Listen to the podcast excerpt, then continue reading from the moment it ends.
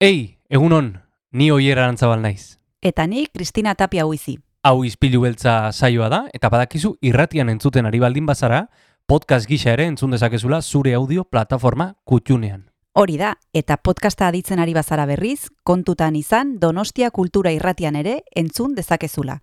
FM eundazazpi puntu lau frekuentzian. Sare sozialetan ere topatuko gaituzu noski, izpilu beltza bilatuta, Instagram, Facebook eta Twitterren. Besterik gabe, guazen gaurko saioarekin. Az gaitezen,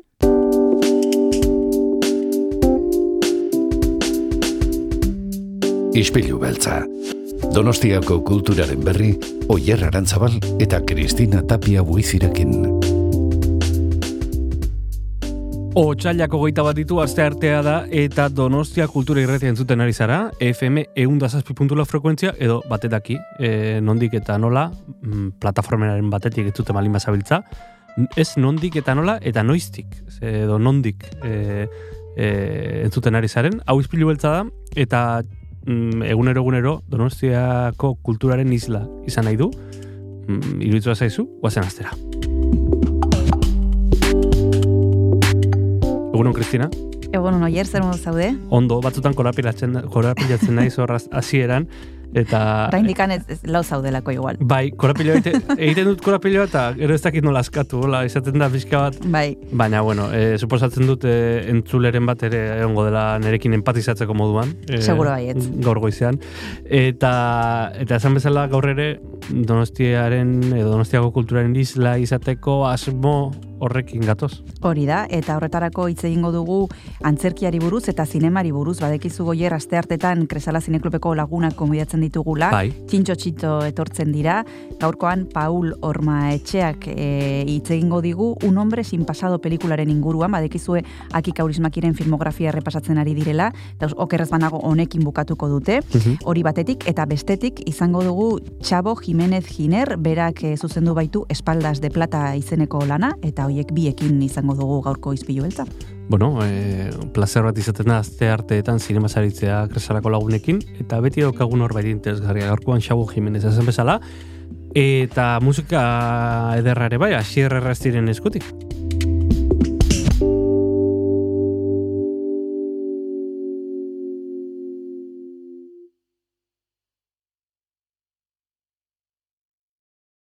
Egun honen entzule aste artea da eta gaurkoan ere musikari tartea egingo diogu hemen, eh? Ispilu beltza irratsaioan eta hain zuzen, ba, irratsaioari hasiera emateko 2000 eta hogeita bigarren urtean dudari gabe ez dakit entzunena, baina bai entzunenetarikoa izan zen eh, kanta izango dugu jarraian Euskal Herrian, eh? Euskal Herria zari naiz, noski.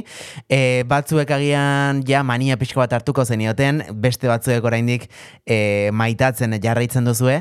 Erritmoa bintzat ez zaio falta, herri urrats ikastolen aldeko festari bezala, eta mm, dagoeneko mm, imaginatzen dut e, gutxo gora bera mm, jakingo duzuela, ezta? Zeinen edo ze kanturen inguruan ari naizen. Erramun Martikorena esaten badizuet, eta Peio Reparaz,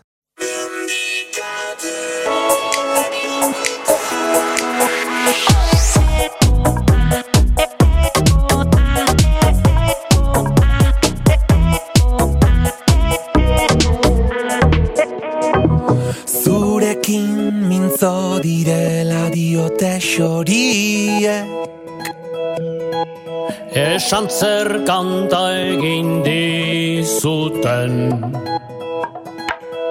Zein gertu gauden sentitzen alden amaiurren. Hori diote baikorrin ere mugalari hoiek Mendikate honek lotuta Zure zaurian irea da Ta kantu hau biona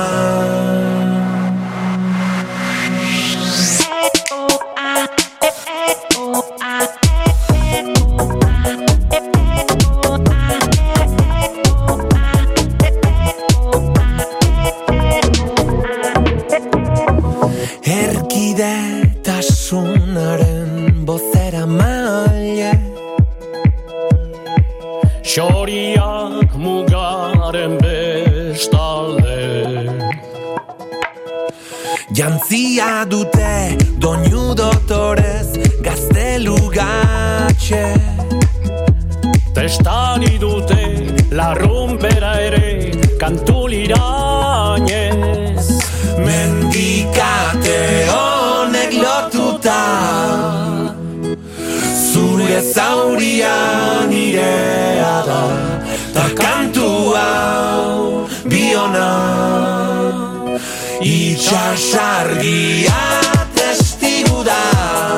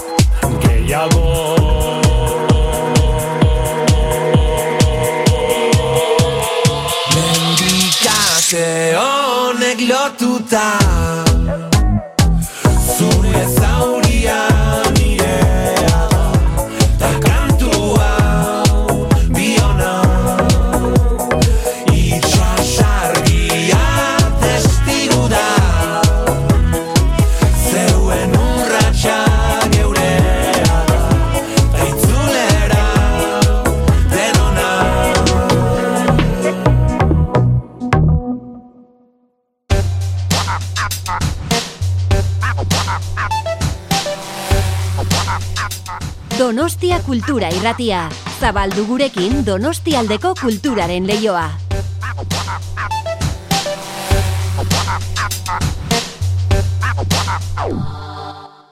Espaldas de Plata izena du, otxailaren ogoita zeian, arratzaleko zazpiretan lugaritz kulturetxean aurkeztuko den, antzes lanak eta gaur, e, lehen aurreratu dugun bezala Kristina, aktore bat izango dugu.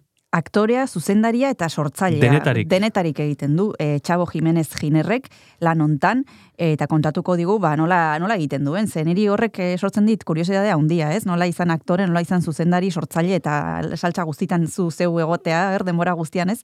One Eh, man band, one Bai, man hori da. E, besteak beste, eh? Txabo Jimenezekin elkarrizketa oso interesgarria izan dugu eta jarraian izango duzu entzungai. Hemen, izpilu beltzean.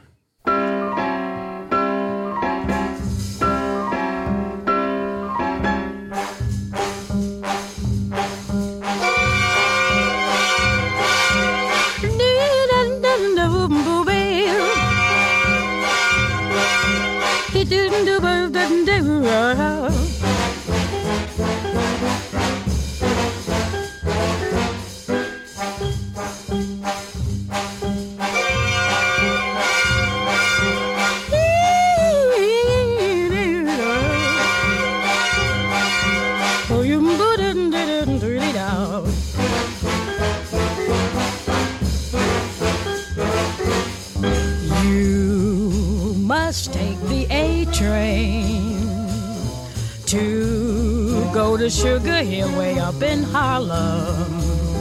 If you miss the A train, you'll find you've missed the quickest way to Harlem.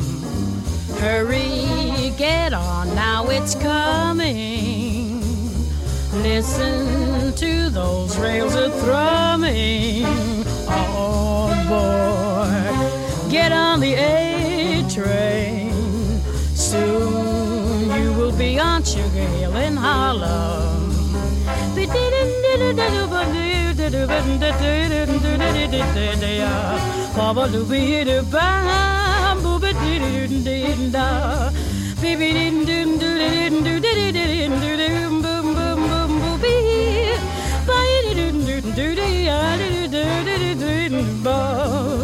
Beep beep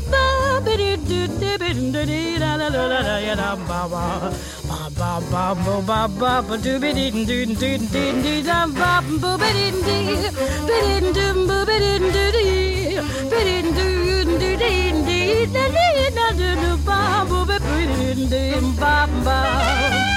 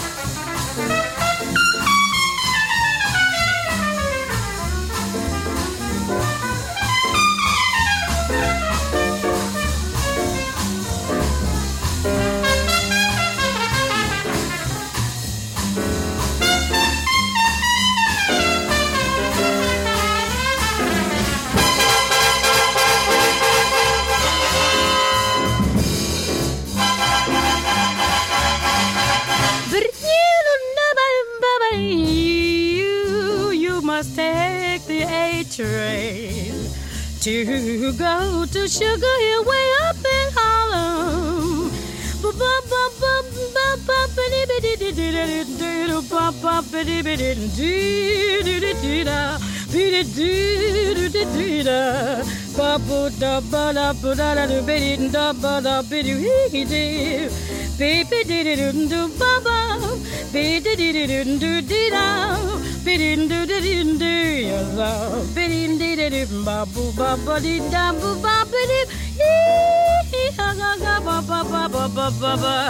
you must take the A train to go to Sugar Hill way up in Harlem.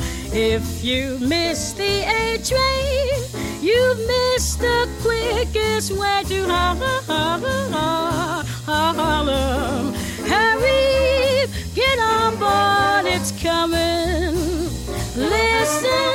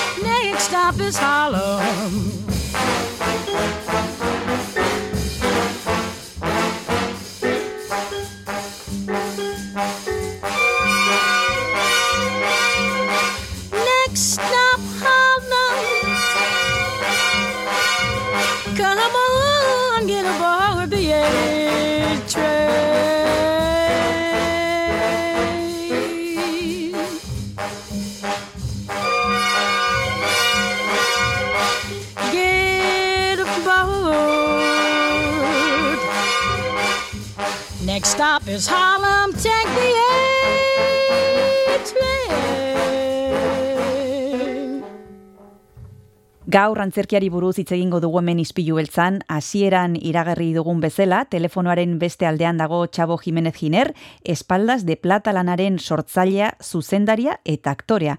Lugaritzen ikusteko aukera izango dugu, otxailaren hogeita zeian izango da arratsaldeko zazpietan. Egunon, Txabo, ¿qué tal estás? Hola, ¿qué tal? Buenas, muy bien, muy contento de estar con vosotros. Bueno, lo primero nos gustaría saber en qué consiste Espaldas de Plata, qué nos vais a contar con esta propuesta sin que nos desveles tampoco demasiado.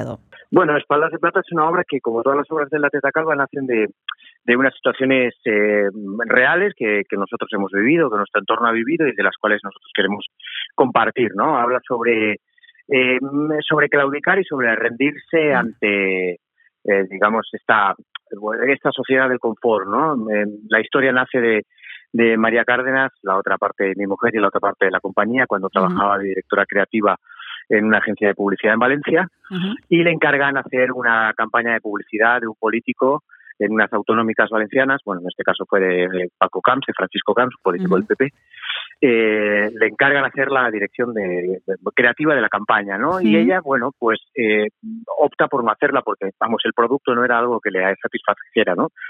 Y, y bueno, le dice al director de la agencia que si por favor puede hacer otra campaña. Eh, al final María no la hizo la campaña esta, ¿no? Pero ese año, precisamente, eh, Francisco Camps arrasa en las elecciones y tiene una mayoría absoluta a la derecha en Valencia, ¿no? Y luego pasa todo lo que lo que sabemos que pasó en Valencia, ¿no? Con esa con esa con esos gobiernos. Entonces ya a partir de ahí planteé, ostras, ¿qué pasaría si, si María hubiera hecho la campaña? ¿Qué grado de culpabilidad tendría en, en el éxito, digamos, de esa eh, de esa formación política o de ese político que luego ha acabado siendo un político corrupto, ¿no? Eh, y me planteaba eso, ¿no? Porque ¿Hasta qué punto estás dispuesto a renunciar a tus ideales para poder seguir manteniendo tu nivel de vida, tu confort, ¿no? Tu, tu vida de primer mundo. Y a partir de, de esta historia, que está basada en una historia real, luego lo llevamos a la ficción, mm, eh, a partir de esta historia eh, yo construyo la ficción de una agencia de publicidad que tiene que encargarse de la campaña de un político corrupto que acaba de salir de la cárcel y se reincorpora y un trabajador de esa agencia, que es el personaje que hace Leo de Bari, se tiene que enfrentar a, a bueno, a luchar con sus principios, ¿no? ¿Qué hago? ¿Qué hago? ¿no? Yo soy un tipo que tengo ciertos principios, pero ahora tengo que bajarme los pantalones y, y vender la, la moto de este tipo al que detesto. Hmm. Bueno, me enredé un poco, pero más o menos creo que queda claro. Sí, eh, no, es, no es una idea nueva el hecho de renunciar a tus ideales y ahora mismo vamos a hablar de, de- de este concepto que es interesantísimo, pero antes me gustaría, Chavo, que nos eh, contaras cómo ha sido eh, trabajar una idea que parte de, de algo que habéis vivido vosotros en casa. Eh, no sé si eso es una ventaja, si es una desventaja al estar tan pegados a, a esa historia, eh, cómo ha sido el proceso de trabajo teniendo en cuenta que, que sois vosotros en- los que vivisteis esto en- en carne propia. Bueno, es que es la forma de trabajar de la, de la Teta Calva. Nosotros todo lo que todo lo que escribimos parte de nuestras propias vivencias. Creemos que el teatro es una herramienta para serenar el alma que está tan, no sé, tan revuelta de uno mismo, ¿no? Y, y creo que lo mejor es eh, considerar que las historias que te pasan a ti mismo le pasan a los demás, porque nosotros no somos eh, alguien especial, ni que estamos por encima ni por debajo de nadie. Somos gente que, que sale a la calle, que vive en esta, en este, en este país, en este mundo, y lo que a nosotros nos pasa, lo que nosotros sentimos es lo que pueden llegar a sentir todos. Entonces, eh, nosotros siempre partimos de, nues- de nuestras historias. Lo, lo hemos hecho siempre y en esta historia eh, también lo hemos hecho y en la futura que, que, que vamos a hacer también, ¿no? O sea que no, no resulta no nos resulta complicado, al revés, nos resulta como digamos ya eh, el, el manual de, de, de, de las dramaturgias de la Teta Calva son así, ¿no? Es, es, es, es observar lo que nos pasa a nuestro alrededor y cuando a veces hacemos un curso, un taller con gente, siempre les invitamos a que sus propias historias y sus propias neuras son el mejor material y, y es lo más sanador, ¿no? Eh, Mm. Ponerlo encima de un escenario. Hablabas de que partir de experiencias propias es eh, bueno es lo que hacéis a lo que os dedicáis en la teta calva y que bueno en este caso es una ventaja no Eh, ha habido alguna dificultad en este proyecto en este proceso algún nudo que habéis tenido que desenredar algo que os haya costado especialmente Bueno, la verdad que cuando haces una comedia, como en este caso, que es una comedia con cierto toque político, el problema lo encontramos más que nada eh, a la hora de mostrarlo, a la hora de la distribución y, de la, Mm. y del mercado. Eh, muchos programadores o muchos espectadores tienen eh, miedo y cierta incomodidad, que creo que eso es un acierto del espectáculo.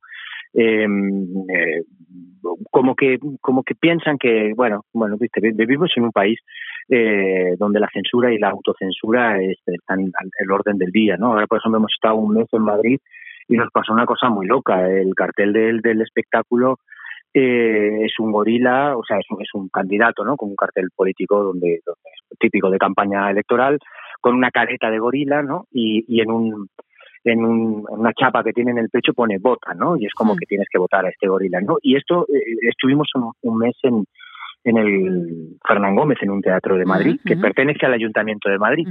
Bueno, nos llamaron del Ayuntamiento de Madrid que había que cambiar el cartel, porque este año es año electoral y les parecía una ofensa porque pensaba, o sea, este, este tipo de Uh. cosas nos pasan, Mm. ¿sabes?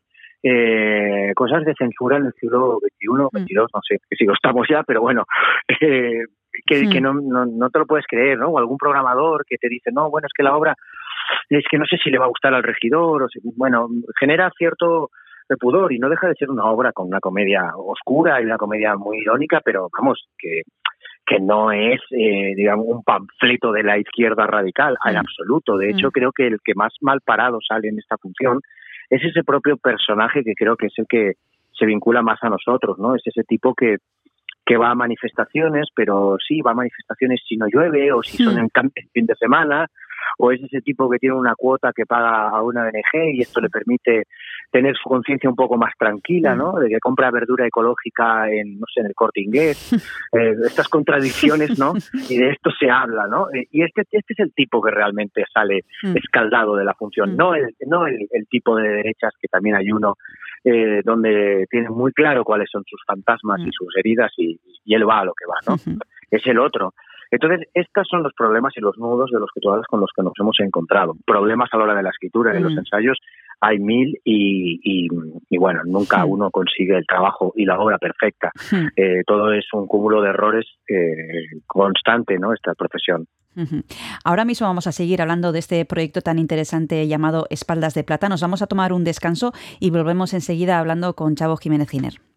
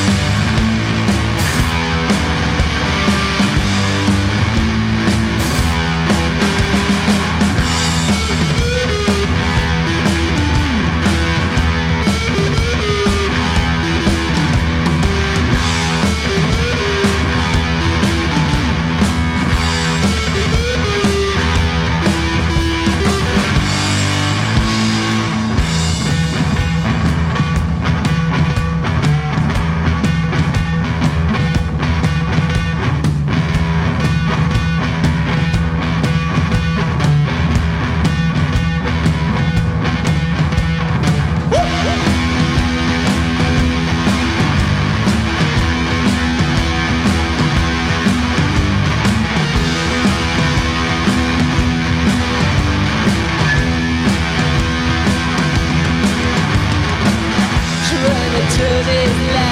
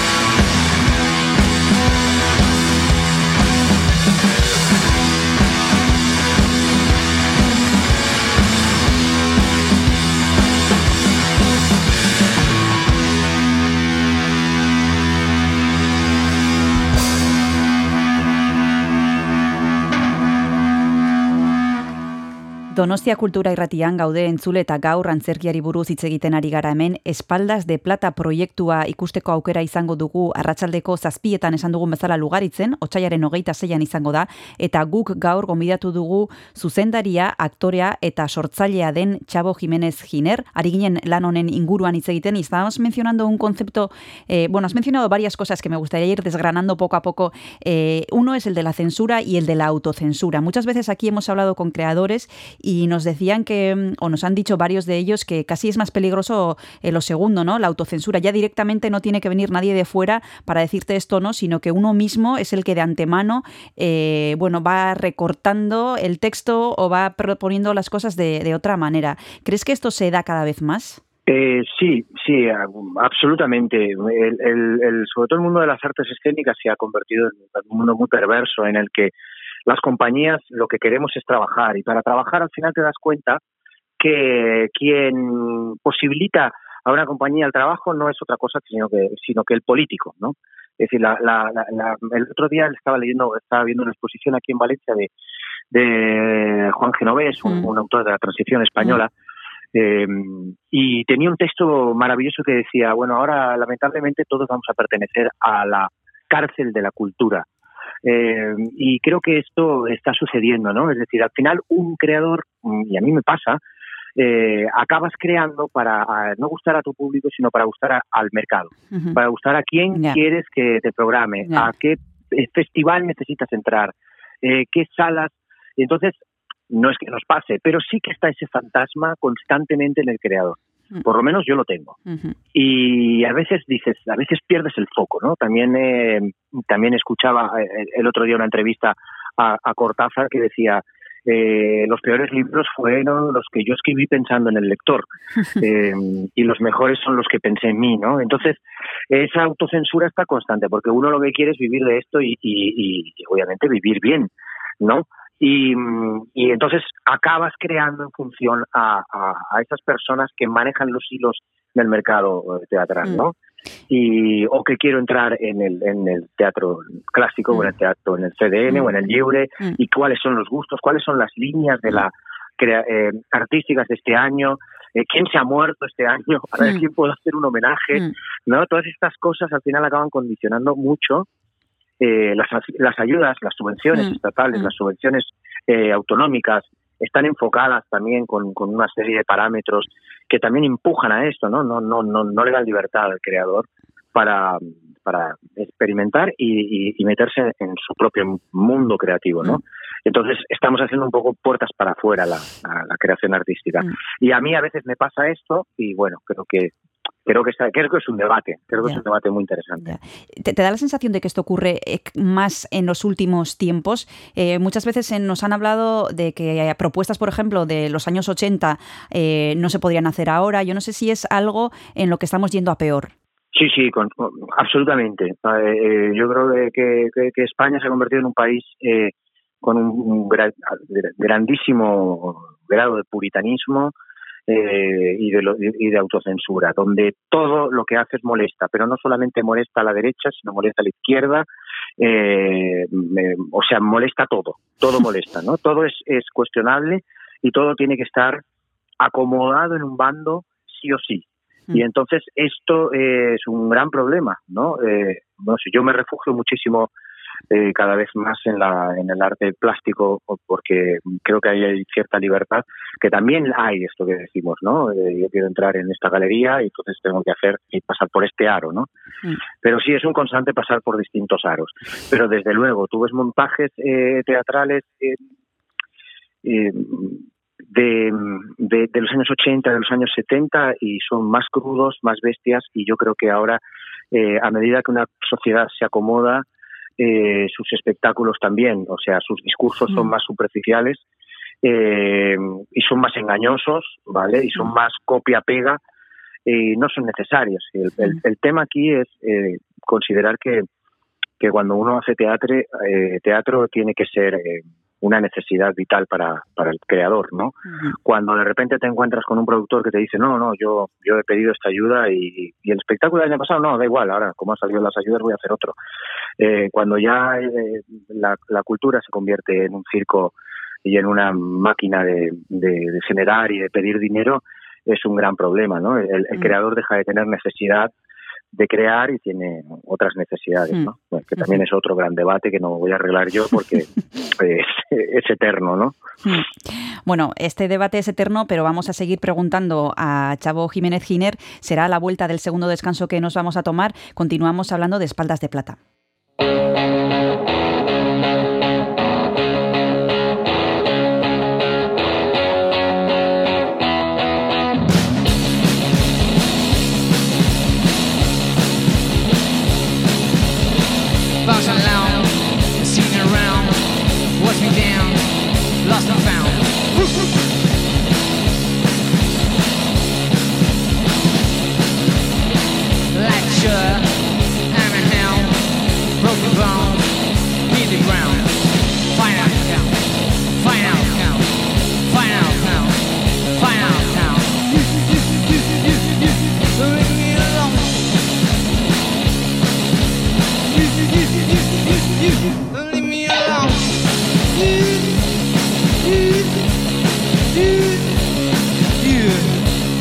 you.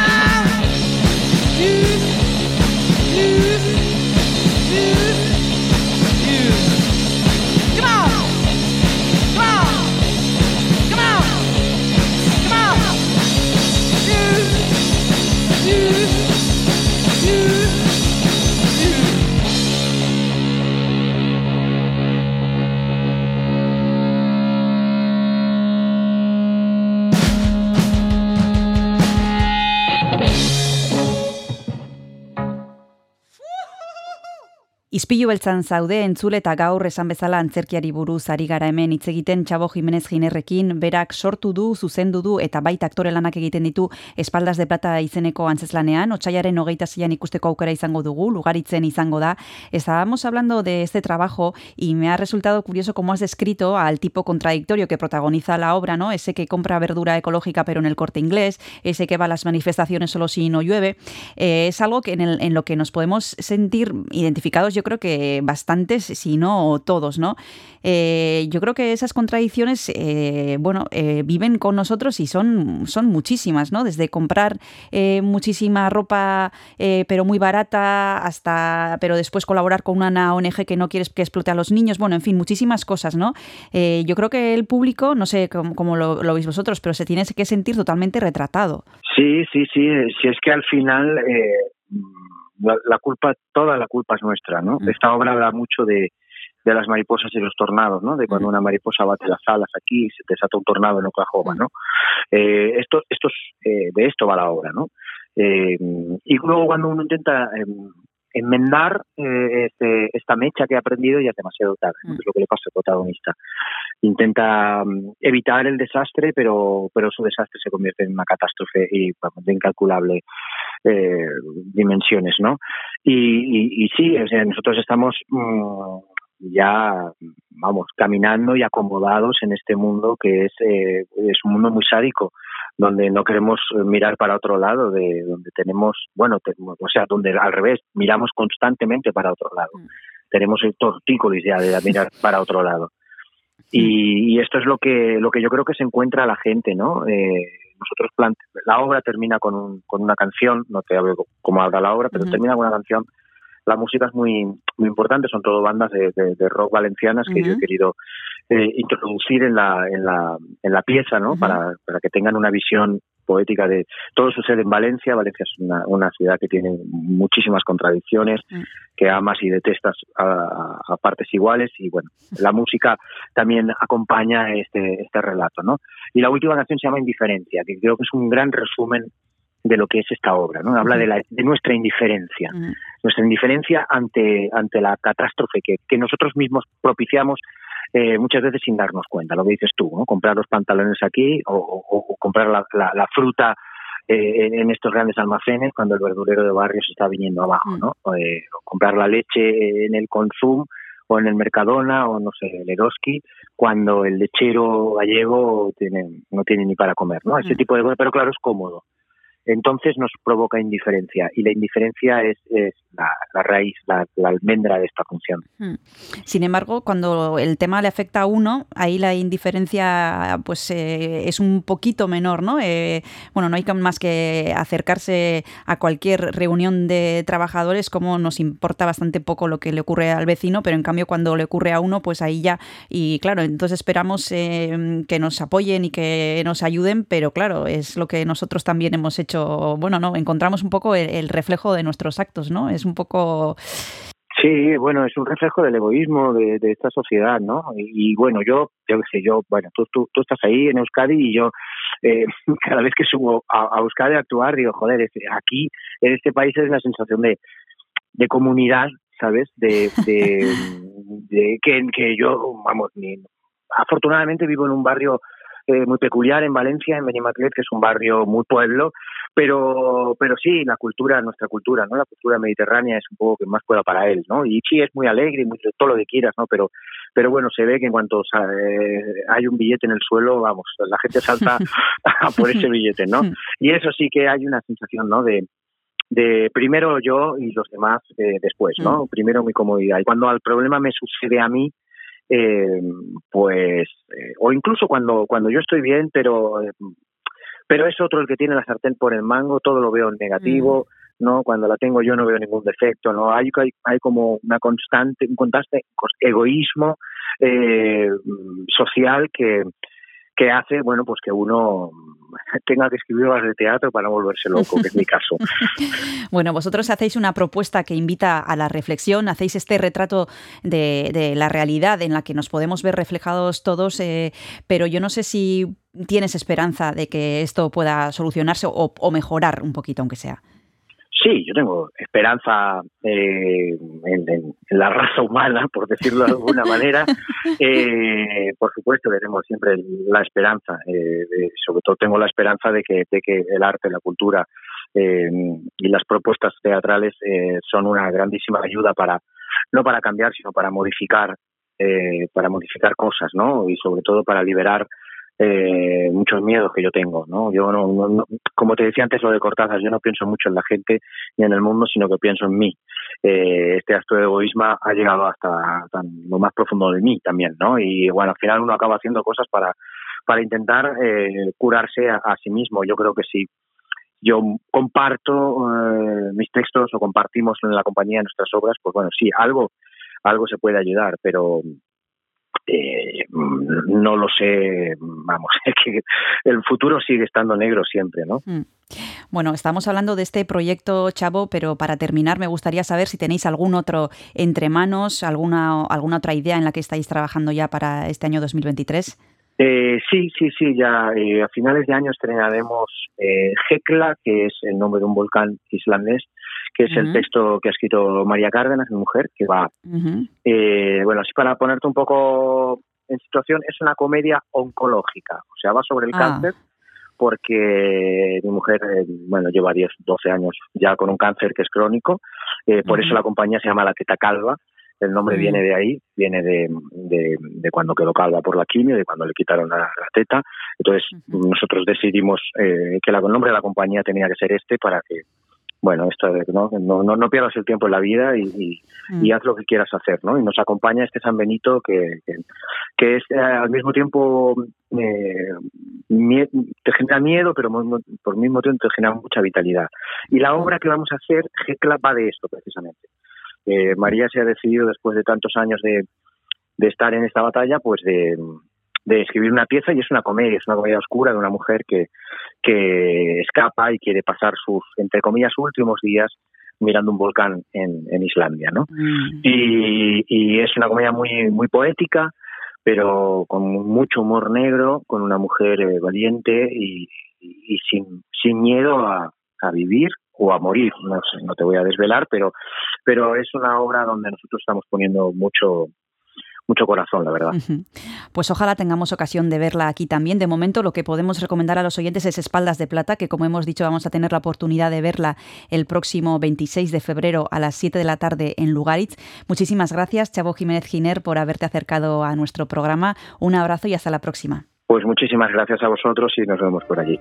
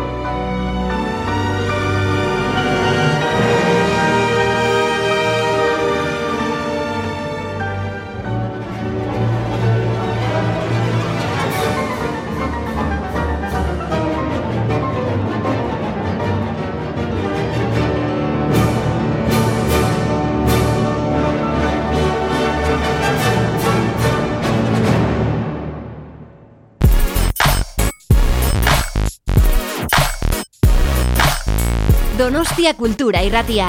Iriko eta aldirietako kulturaren leioa.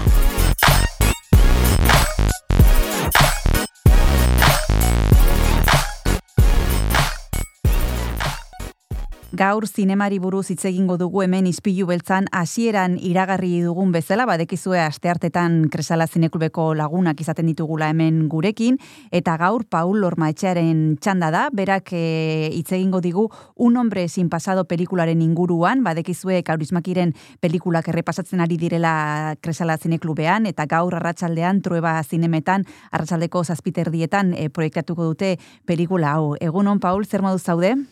Egunon, Kristina, oso ondo, oso ondo. Bueno, esan bezala ari gara aprobetsatzen kaurismakiren filmografia ezagutzeko, eh, errepasatzeko, eta gaur eh, un hombre sin pasado pelikularen txanda da, e, 2000 eta biko pelikula bat da, ordu terdikoa gutxi gora bera, badekizueak kaurismaki Finlandiako zuzendaria dugula, eta justo pelikula honekin, ba, bueno, gero itzein dugu, baino e, sari eta izendapen mordoa lorduz, lortu zituen. Guazen Paul, hasieratik e, astera, eta kontatu pixka bat, e, zein den e, bertan kontatzen den historia. Ba, bueno, e, historia da, e, gizon bat iristen da Helsinkira, tren batean, e, paliza bat ematen diote, eta memoria galtzen du. Orduan hortikan aurrera, ba, bere bizitza hasten da, e, ba, auzo pobre batean, berak ez daki ez da bere izena, eta, ba, bueno, hortikan aurrera, ba, juten da jendea ezagutzen, e, maite mindu egiten da, bueno, denetarik pasatzen zaio. Ba, oraintxe bertan jarraituko dugu pelikulan ere inguruan hitz egiten Paul, baina tartetxo bat hartu behar dugu eta roterako badekizu abesti bat eskatu behar dizu dela eta nik ez dakit zer pentsatu duzun gaur entzulekin partekatzeko zer bururatu zaizu. Ba, bueno, ba, Finlandian gaudenez, ba, Finlandiako abesti bat jarriko dugu, naiz eta inglesez dan abestia. e, stay izena du, Marco Javisto and Poutakau Hat taldearena da. Zora garri esan dezu, eh, Paul? Bai, bueno. Oso. Zakit, ba. Bueno, ba, e, guazen entzutera eta segituan gara buelta Paul Ormatxearekin.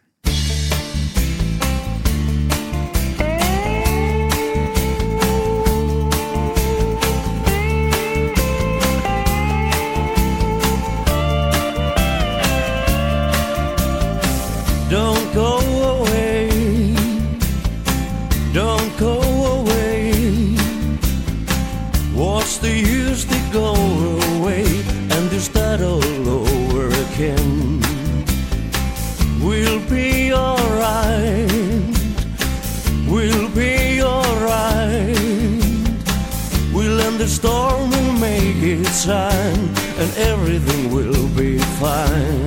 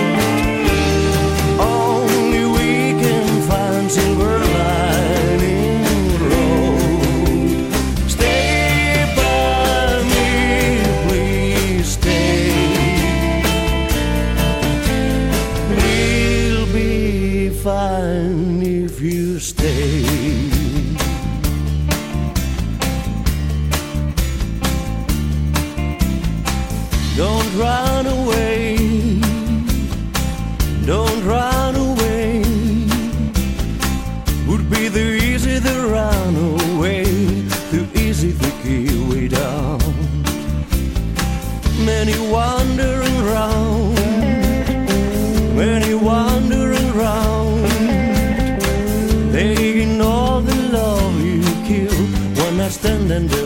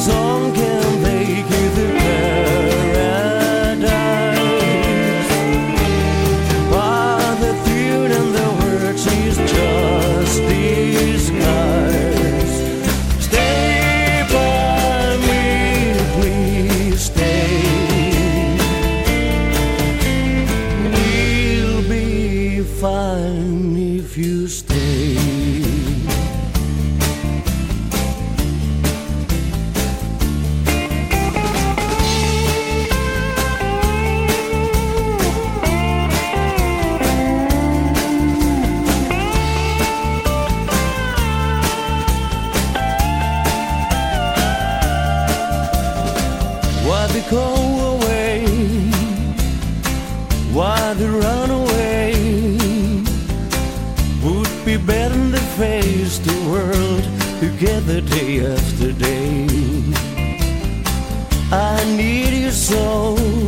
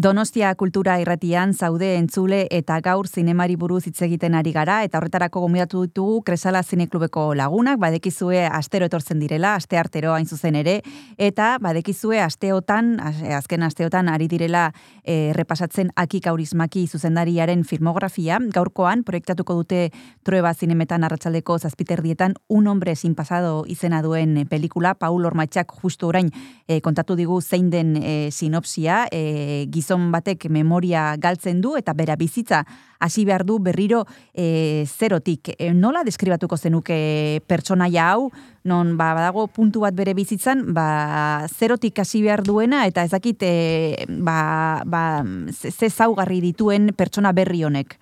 Ba, bueno, lehenengo esan behar detena da, kontatu detena, osea, hasiera hori, bost minututan pasatzen dela.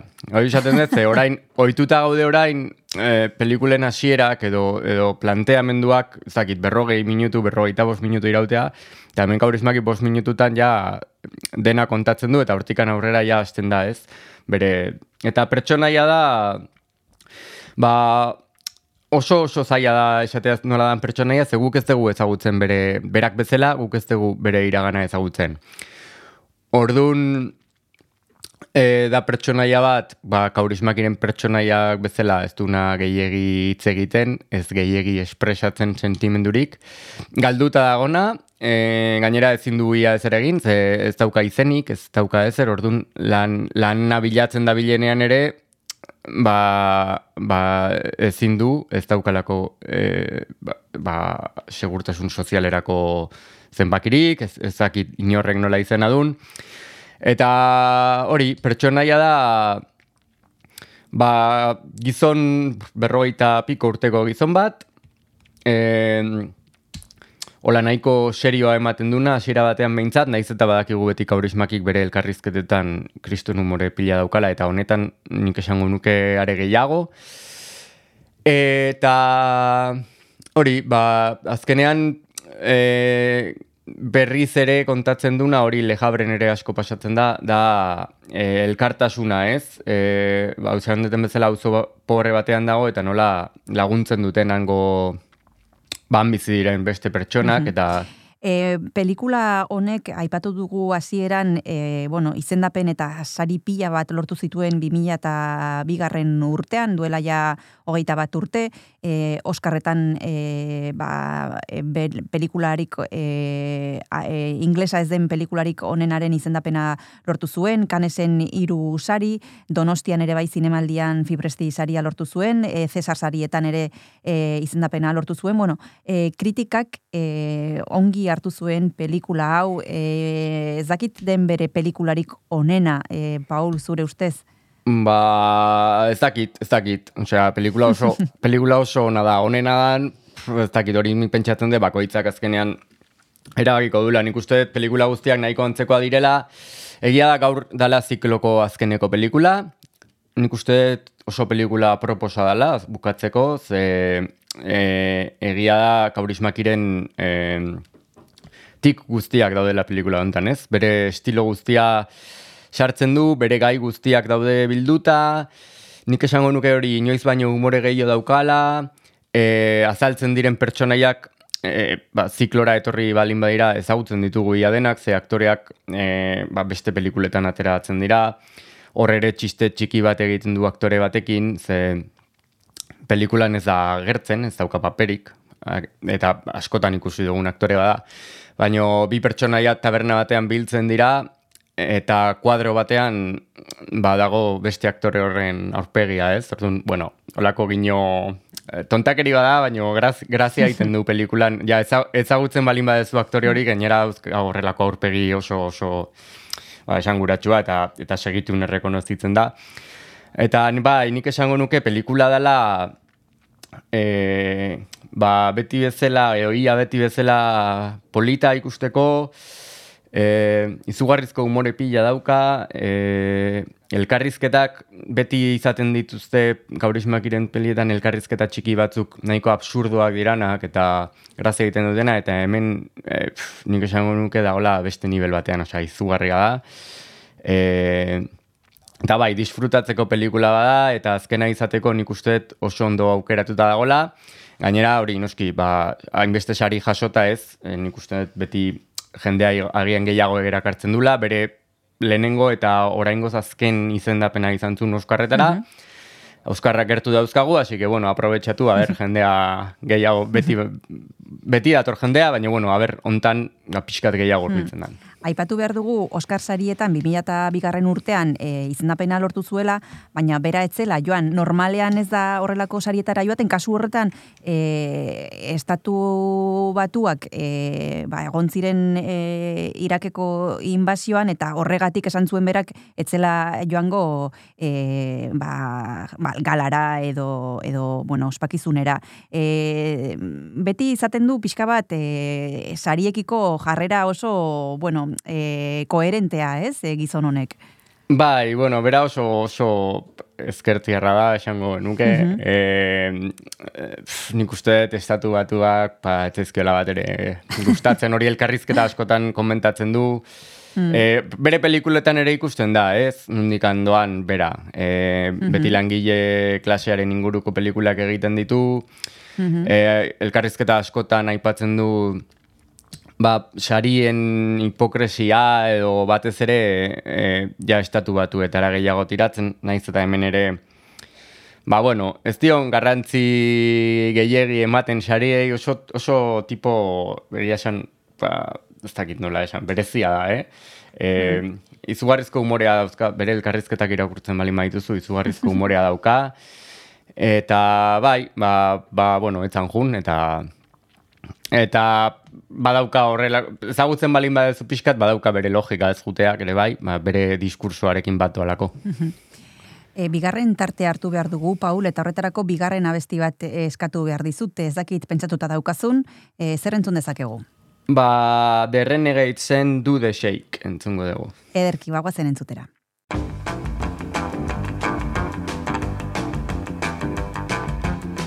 Shaking party dancing through the night now. Everybody shaking to the left and shaking to the right now. Everybody shout, shout, keep the street awake. Do the shake, everybody do the shake. Everybody shaking, dancing in the street now. Everybody, everybody shaking to a holly golly beat now. Everybody shout, shout, keep the street awake. The shake, everybody do the shake.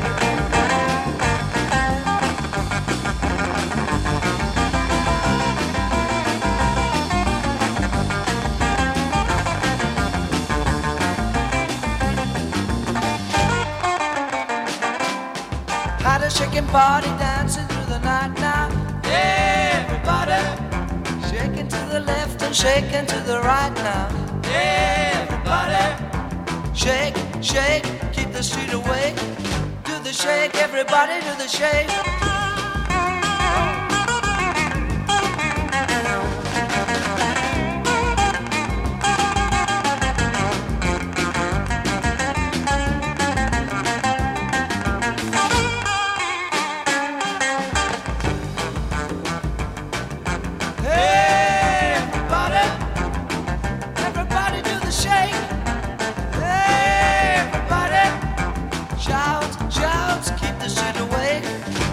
Shake, everybody do the shake, shake. Hey, Everybody, everybody do the shake. Hey, Everybody, shout, shout, keep the street awake. Do the shake, everybody do the shake. Izpilu beltzan gaude eta gaur asteartea da entzule badekizu asteartetan zinemari buruz aritzen garela eta horretarako gomidatzen ditugu Kresala Zineklubeko lagunak. Gaur Paul Orma etxearen txanda da, badekizue bera aki kaurismakin aditua dela eta errepasatu dute e, azkeneko asteotan e, bere filmografia, zuzendari Finlandiarren filmografia gaurkoan, bere azken pelikula proiektatuko dute, ez da bere azken pelikula, baina zinema, e, Kresalan e, proiektatuko duten azkena izango da, gaur arratsaldean trueba zinemetan izango da, arratsaldeko zazpiterdietan, eta pelikulak izena du Un hombre sin pasado. Justu pelikula honen inguruan hitz egiten ari ginen Paulekin, eta galdetu, bueno, badekizue bera e, fan bat dela, baino pelikula hontan Paul, zuri zer gustatu zaizu gehien? Ba, pf, eh, a ber, niri pelikula osoa gustatzen zait. Eh, esan dut, ja, elkarrizketak dira brutala, baina brutalak, eh? eh absurdo hori dagona, gero dauzka, eh, hori beste pelikuletan ere batzutan sartzen du, dauzka como frases lapidarias, Mm. baina esaten dituzten, esaten dituzten pertsonaiek ez dute ematen horrela hitz egiten duten pertsonaia horietakoak. Orduan, hor ironia puntu bat dago, grazia asko egiten du. E, hori, gero erlazioak, pertsonen arteko erlazioak ba oso komikoak dira askotan. Eh, esan duten bezala maitasun historia dago, oso polita da, ez dauka horrela ezer berezirik, baino oso polita da, berak maitasun historioak asko sartzen ditu bere pelikula askotan, batez ere hasierakoetan, ja azkenekoan ikusi genunean, ba, eh, esango genuke bikote bat dala ezkonduta dagona, orduan Mm. ez da maiten mintze prozesu hori azaltzen, baina hontan bai bueltatzen da, gainera aktorea emakumea e, Kati Outinen da, be, kaurismakiren pelikula gehienetan ateratzen den aktoresa. Aktore guztiak ikaragarri daude beti bezala, argia da, zoragarria, eske ezakit ez nuke gauza bakar bat ere e, destakatuko dena, dena iruditzen zait ona. Mhm. Esan bezala, pelikula hontan e, akik aurismakiren ezaugarriak biltzen dira, e, langileen egoera, komedia da, drama da, baita maitasuna ere e, badago. E, zeinentzat da pelikula hau, Paul? Zein gomendatuko zenioke? Nik esango nuke pelikula hau dela mundu guztiarentzat. e, kaurismakiren pelikula batzuk agian ez, Mhm. em, esango genuke hasierako, bueno, laro gehi garren amarkadako pelikulak, laro gehi tamar garren amarkadako hasierako pelikulak, estilo oso markatua zaukaten, eta agian, ba, bueno, ez balin bazera sartzen, e, bueno, ba, igual ez dizu grazia egiten, igual ez dakit, ez, baino hontan, eta legabren ere pasatzen da hori, pixka bat zabalagoa da. Mhm. E, irekiagoa da, e, eta nik uste dut e, denok, denok, denok gozatu dezagu- dezakegula pelikula. Noski ongo da norbait ez zaiona gustatzen, eh? Mhm. Baino iruditzen zait pelikula dela e, mundu guztiarentzako Mhm. pelikula bat. Esan bezala, un hombre sin pasado, 2002 garren urtean egin zuen akikaurismakik, eta gero etorri ziren Luces al atardecer, Leabre, zuk aipatu duzuna hemen pare bat aldiz, eta el otro lado de la esperanza 2000 garren urtekoa. Nik ezakit geroztik e, badakizun zerbait gehiago prestatzen ari den, zeia pasa dira bost urte bere azkeneko lanetik, e, normala da, hartzen duen tarte hau, badu proiektu berriren bat, Paul, badakizu zerbait? Eh, a ber, nik dakidana da, eh, al otro lado de la esperanza, bere azkeneko filma, orain arte azkeneko filma egin zuenean, esan zula retiratu ingo zala, Mhm. zinematik. Baina badirudi, edo irakurri nuen, orain dela hilabete batzuk, ari dela ja beste pelikula bat prestatzen. Beraz, espero dugu horrela izatea, eta laister ba, berri gehiago izatea kaurismakiren inguruan, ze egia da urte asko pasa direla azkenekotik, eta ni behintzat e, gogotsu nago. Beraz, aber, aber egia dan, ez dan erretiratu guztiz, eta zeo zer egiten da bilela. Bueno, ba, zu zain zaude eta beste hainbeste pertsona ere bai ere e, zain dago. Nik uste dut e, aukera ona daukagula gaur trueba zinemetara joateko Un hombre sin pasado pelikula ikusteko, 2002 garren urteko pelikula da, eta honekin e, bukatuko luke lukete kresala zineklubean akik aurismakiren filmografiaren errepasoa. Eskerrik asko, Paul, etortzeagatik izpilu beltzara eta aurrengor arte bezarkada bat. Eskerrik asko zuei beti bezala, Kristina. Besarka bat. Agur. Agur.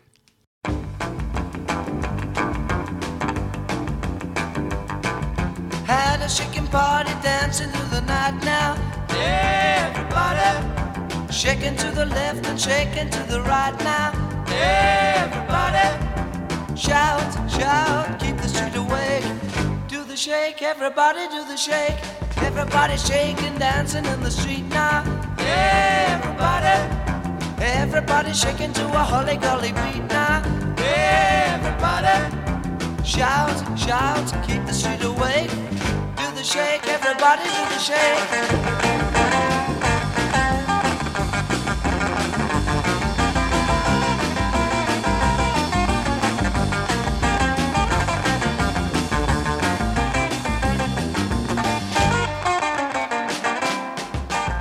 Shaking party dancing through the night now.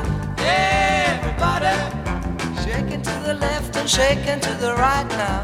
Everybody shake, shake, keep the street awake. Do the shake, everybody do the shake.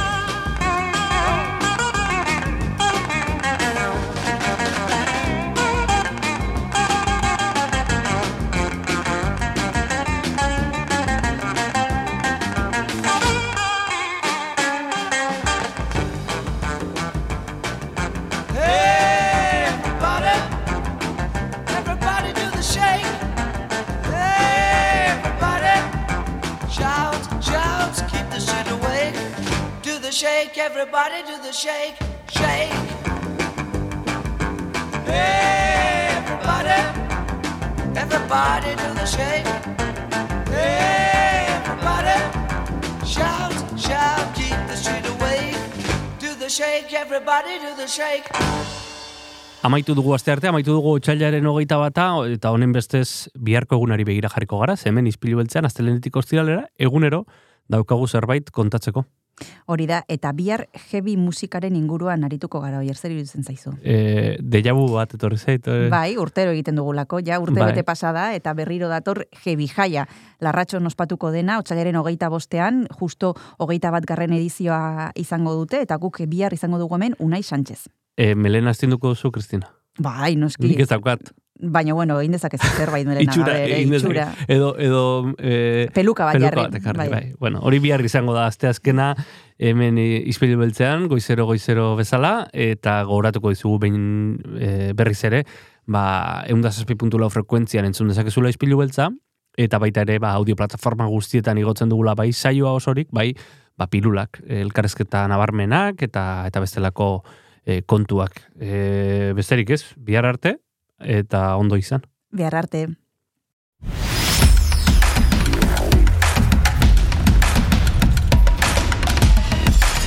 Donostia Kultura Irratia. Zabaldu gurekin Donostialdeko kulturaren leioa.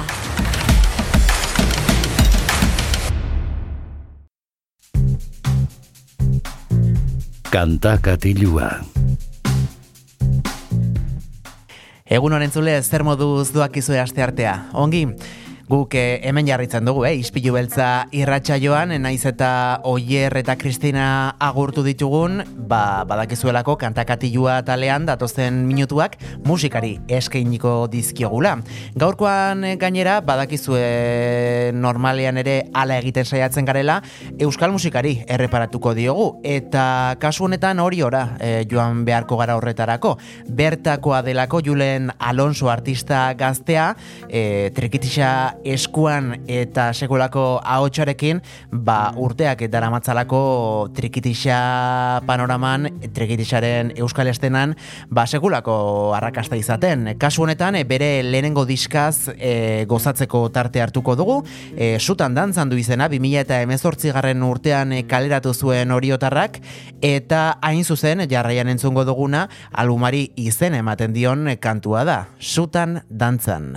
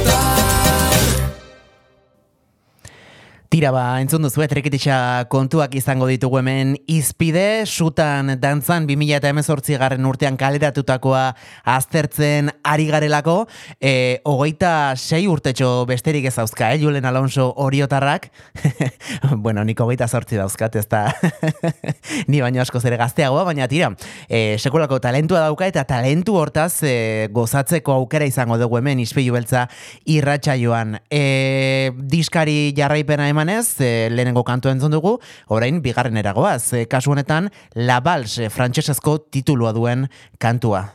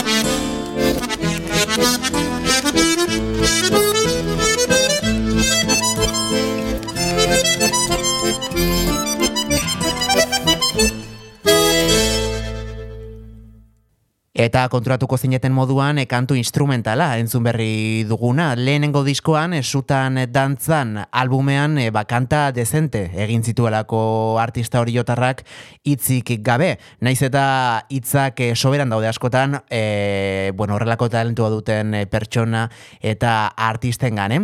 E, urrengo ere instrumentala da, baina erabat ezberdina. Oiuka du izena, ironikoki, naiz eta oiurik entzun ez dugun entzungo. E, agian sentitu bai, bere trekitetxa doinuekin, eta gozatu, hau ere ederra delako eta.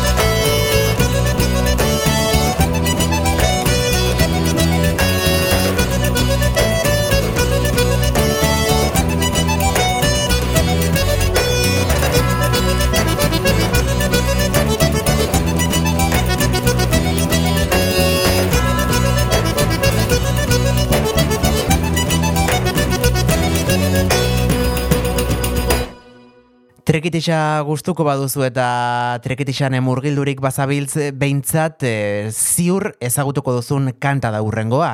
Julen Alonsoren eh, kantarik ezagunenetako bat eginda dudari gabe, hau izan zelako bere lehenengo diskako aurrerapen kantua. Eta irrat irrati guztietan entzuteaz gain, ba, supermerkatuetan, dendetan eta sare sozialetan ere sekulako arrakasta izan zuen. Bizi goza dugu hau, eta benetan dudarik gabe askorentzat Julen Alonso artistaren izena entzutean hause da, datorkigun doinua.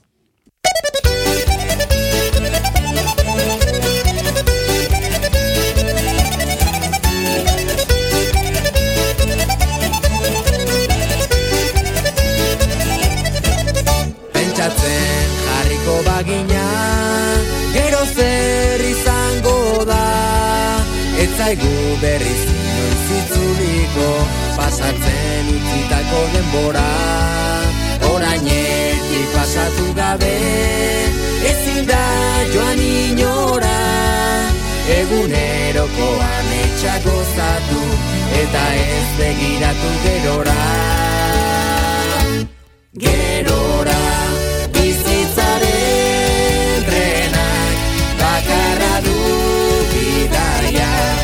ekaitz ez da eguzkiz osatuz bai saia bizitzaren trenak bakarra du bidaia heldu aurkia gogor gozatu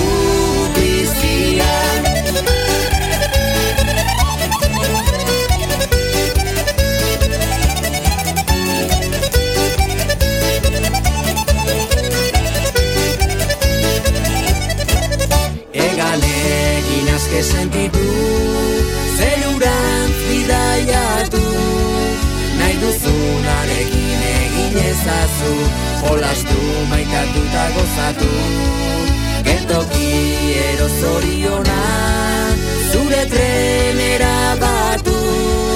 Bete gabeko ametxik ez utzi Eta irri batekin esnatu Esnatu bizitzaren trenak Bakarra du bidaia. Ekaitz ez da eguzkiz Osatuz bai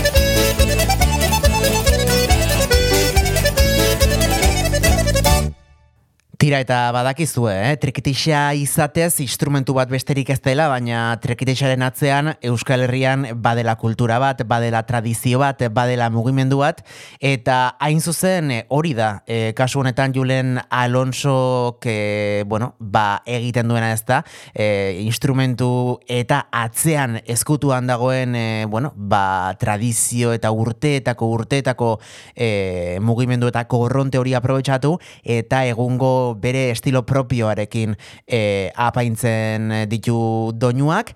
E, ala ere, mm, dudari gabe, bere lehenengo diskako kanturik mm, esan genezake trikitixa tradizionaletik gehien gerturatzen dena jarraian entzungo duguna da. Musika eta kultura du izena eta egia esan mm, doinu hauek bai direla gehiago orain arte e, urteetan eta urteetan zehar e, Euskal Herriko plaza eta txoko anitzetan izan ditugun erromeria horietan entzun izan diren horietakoak.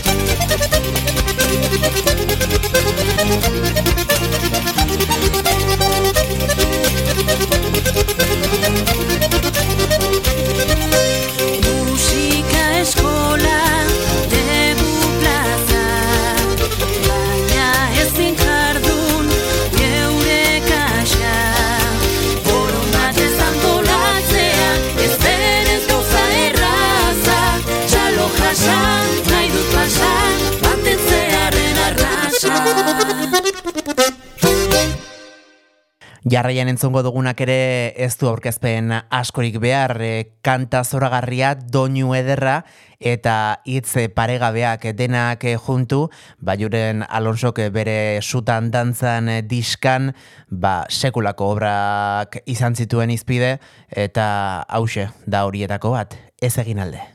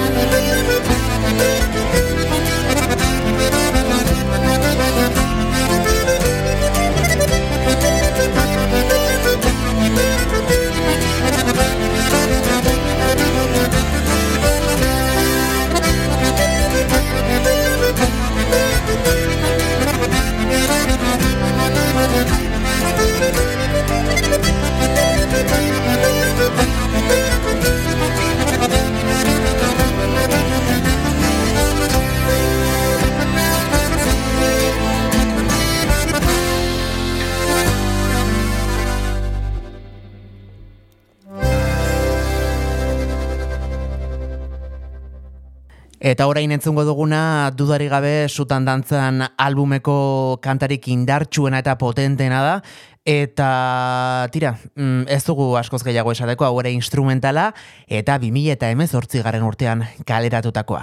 Trakatan.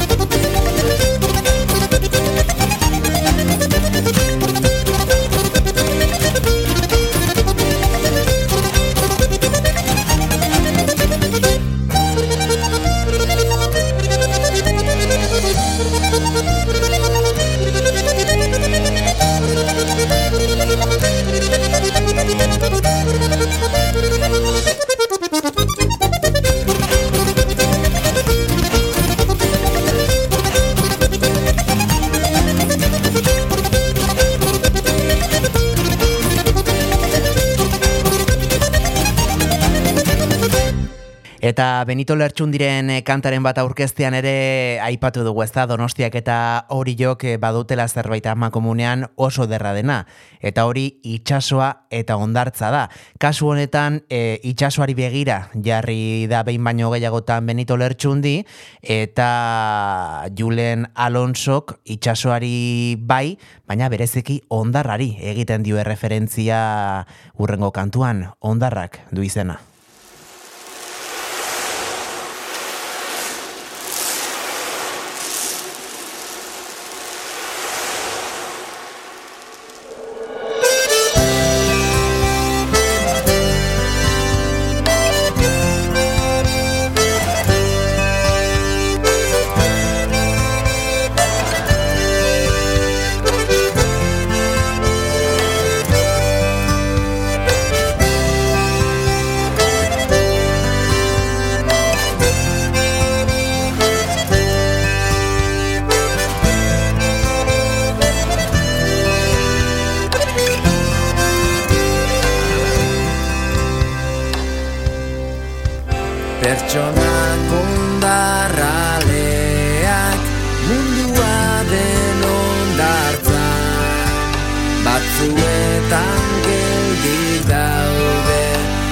Beste askotan martxan.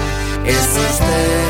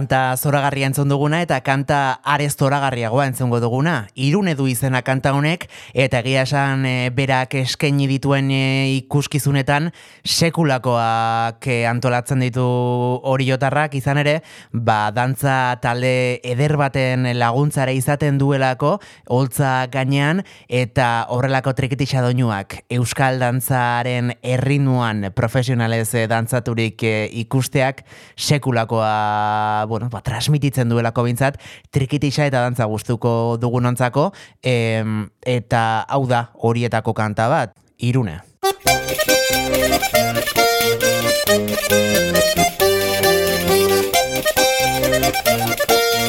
Thank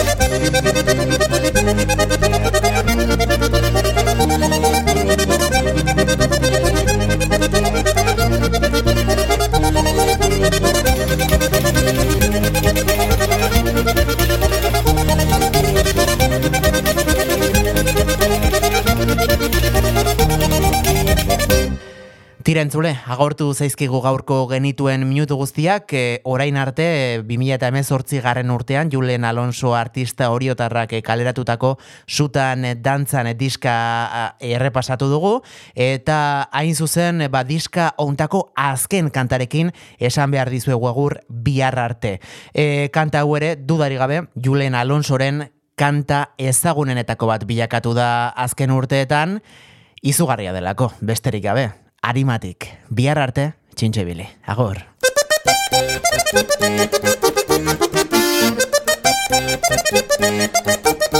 Amiltzen